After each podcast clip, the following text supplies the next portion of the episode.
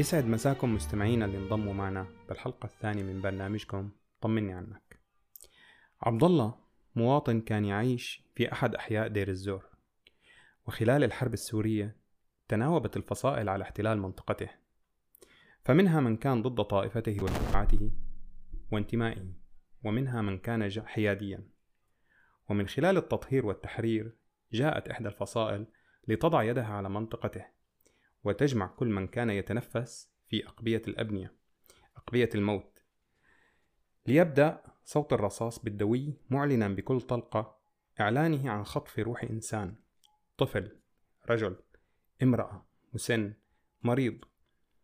وهنا كان بين المصطفين على طابور الموت عبد الله الذي رأى أصدقائه وأبناء حارته وأقربائه يتحولون إلى جثث هامدة بطلقة جلاد. ويصل إلى الجلاد ليهم بوضع البندقية على جبهة عبد الله. بهذه اللحظة مرت كل حياة عبد الله أمام عينيه وتذكر حبيبته بانتظاره. أبوه الذي قال له انتظرني إني راجع لك يا حج. وحينها عرف أن كل شيء بلحظة انتهى. شعر وقتها بخوف ما شعر مثله بحياته ارتجف ونطق الشهادة. وفجأة يلعب القدر لعبته مرة أخرى. معلنا عن اشتباك بالخارج. ليهرع كل من كان معه سلاح للخارج للمؤازرة ويبقى عبد الله وقلة معه من بقية الجثث وهنا بعد عدة ساعات يدخل الفصيل الجديد ويأخذ من بقي أحياء وعبد الله أسرى ليتم لاحقا تبديلا أو تبديله بصفقة سياسية أو صفقة اقتصادية. ويستطيع بعد محاولات شاقة الوصول لأرض أوروبا حاملا ما تبقى من أحلام وذكريات ثقيلة ثقيلة جدا عن تجربة كانت نقطة تحول أو مفصل بحياته. بعدها حياته لم تعد كسابقتها. عبد الله للآن تجي صور دائمة عن الماضي. هو بمدرسة اللغة آه، عصبيته الدائمة مع حبيبته. اللي صارت زوجته. انعزاله عن الناس.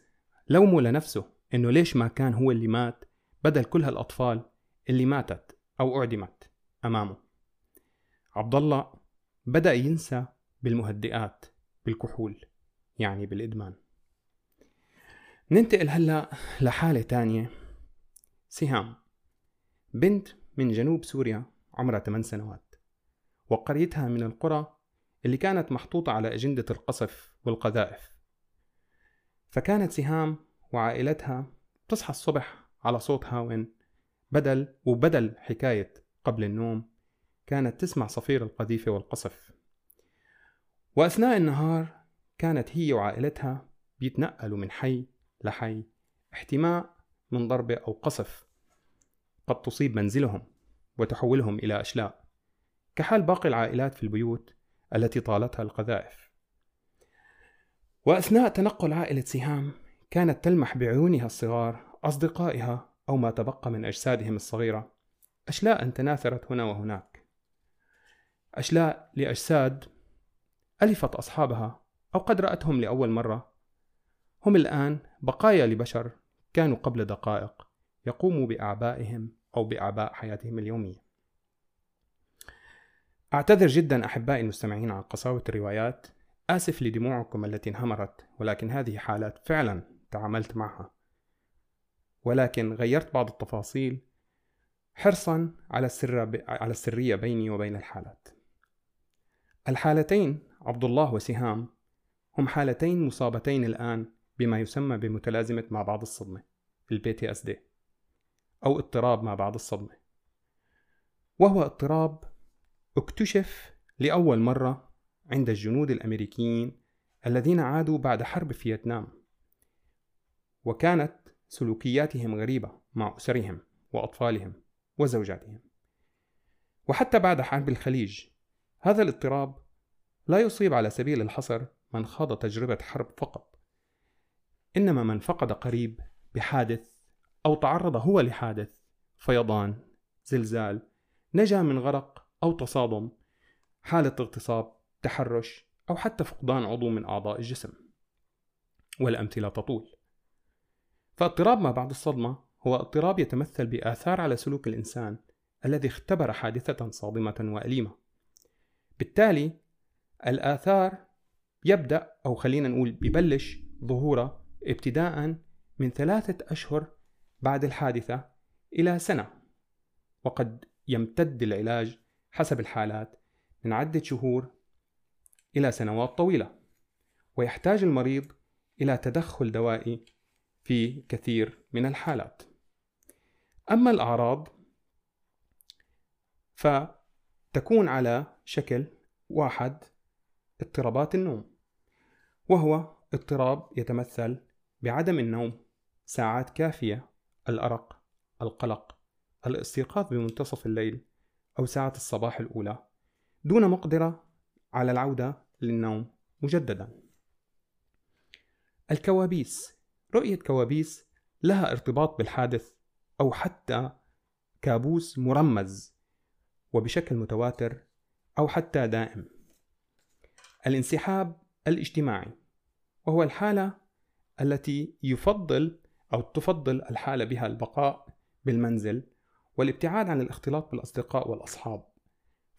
فالبقاء وحيدا هو بمثابة راحة للحالة لأن من رأيه أنه لم يعد يستطيع الاندماج مع الناس اجتماعيا.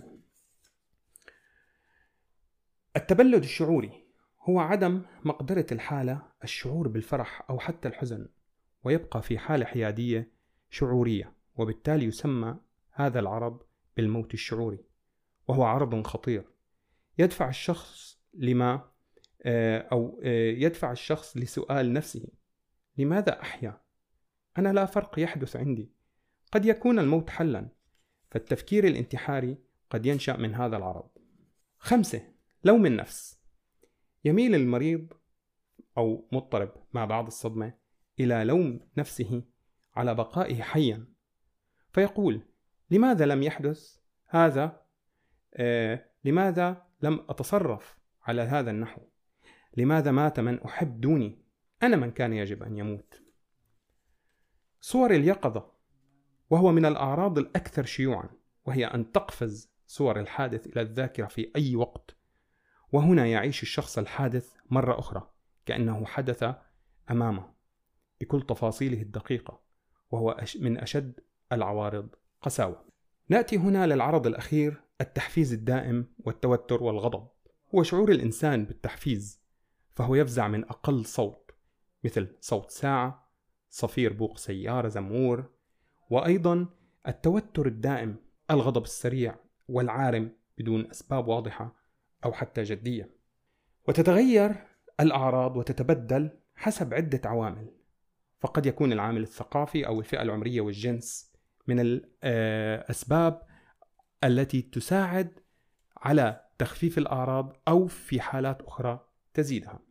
فعامل البيئة الاجتماعية أيضا هو من العوامل الذي يؤدي إلى تغير العوارض. وأيضا قوة وتأثير هذه العوارض على السلوك وحياتنا اليومية. من لحظة اكتشاف الأطباء والخبراء النفسيين لاضطراب ما بعد الصدمة وتشخيصه طوروا اللي بسموه بعلم النفس الاستمارة النفسية. وهي عبارة عن عدة أسئلة مباشرة وغير مباشرة تطرح على الحالة لتحدد درجة وقساوة الاضطراب ودرجته وتحديد التقويم والدعم النفسي المناسب وإن كانت الحالة تحتاج للتدخل الدوائي. بعضنا اختبر عدة حوادث بسيطة ومتفرقة وآخرين عاشوا تجربة صادمة واحدة قاسية. هكذا تتنوع الحالات وبالتالي الأعراض وبالتالي التقويم السلوكي. الاستمارات وهي تقويم أو خلينا نقول تقييم ناجح في حالة الأفراد البالغين. ولكن طفلة بحالة سهام أحد أهم الأعراض هو عدم القدرة على الوصف لصغر السن وعدم الإدراك العقلي المناسب لوصف الحالة أو حتى الإجابة على الأسئلة. فالطريقة الأمثل لتقييم حالة الأطفال المشتبه بإصابتهم باضطراب ما بعد الصدمة هو التعبير بالرسم. فبرسومات الأطفال دلالات نفسية تفوق أي كلام. كما أسلفت في الحلقة الماضية بأن موضوع اضطراب ما بعد الصدمة PTSD كبير متشعب ولا يتسع بحلقة واحدة. وسأكتفي بحلقة اليوم ذكر الأعراض وإمكانية وطرق الكشف عن الاضطراب. لذا سأتناول بالحلقة القادمة طرق العلاج والدعم النفسي المناسب لكل حالة. شكرا كثيرا أحبائي المستمعين على استماعكم. ألقاكم الخميس المقبل ودمتم سالمين.